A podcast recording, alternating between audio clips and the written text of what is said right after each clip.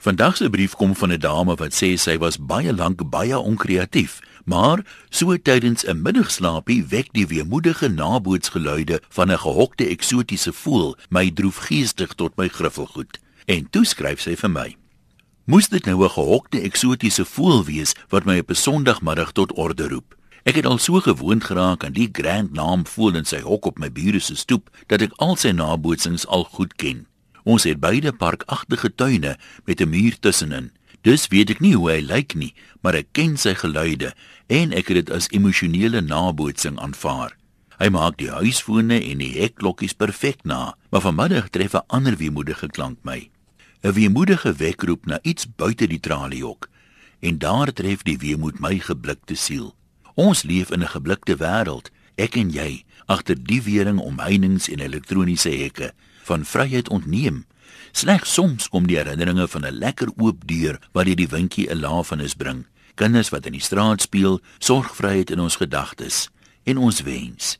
Maar daardie pragtige voël in die eysterhok wens ook. Hy was gemaak om sy vlerke teen die sonstrale te wys sodat die kleurepragt daarvan die skepping kan komplementeer.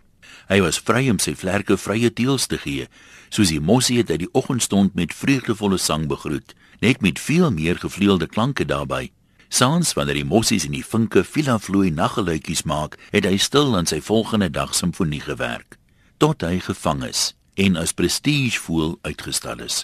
Sy simfonie het stil geword, sy klanke eentonig hoorbaar, sy weeklaag wat vir sy eienaar wonderbaar is, raak my siel. Hy soek dit waarvoor hy geskep is: vryheid, baldadige vrye vlug, sy krete uitbundig omdat hy sy vrye vlug en die natuur geniet. Dit waaraan hy aanvanklik geplaas is. Nou in 'n eysterkou sy vlerke geknip, mimiek hy dit wat hy hoor. Sy drif is weg, hy's 'n gevangene en doen dit wat die mens wil hoor. En ek en jy, waar is ek en jy? Mimiek ek en jy ook wat die samelewing wil hoor? Wat kan ons doen om die eysterkou te ontsnap? Gewillig ons vlerkies laat knip, gewillig ons oorspronklikheid in mimiek laat verander? Nee, Ek wil leef, ek wil voel, ek wil ervaar vryheid bo alles. Ek wil wees deel van die kudde wese van God sonder vrese.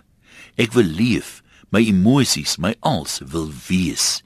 En die arme grand naam voel in die kou sal nooit wees nie. Is jy waar jy wil wees?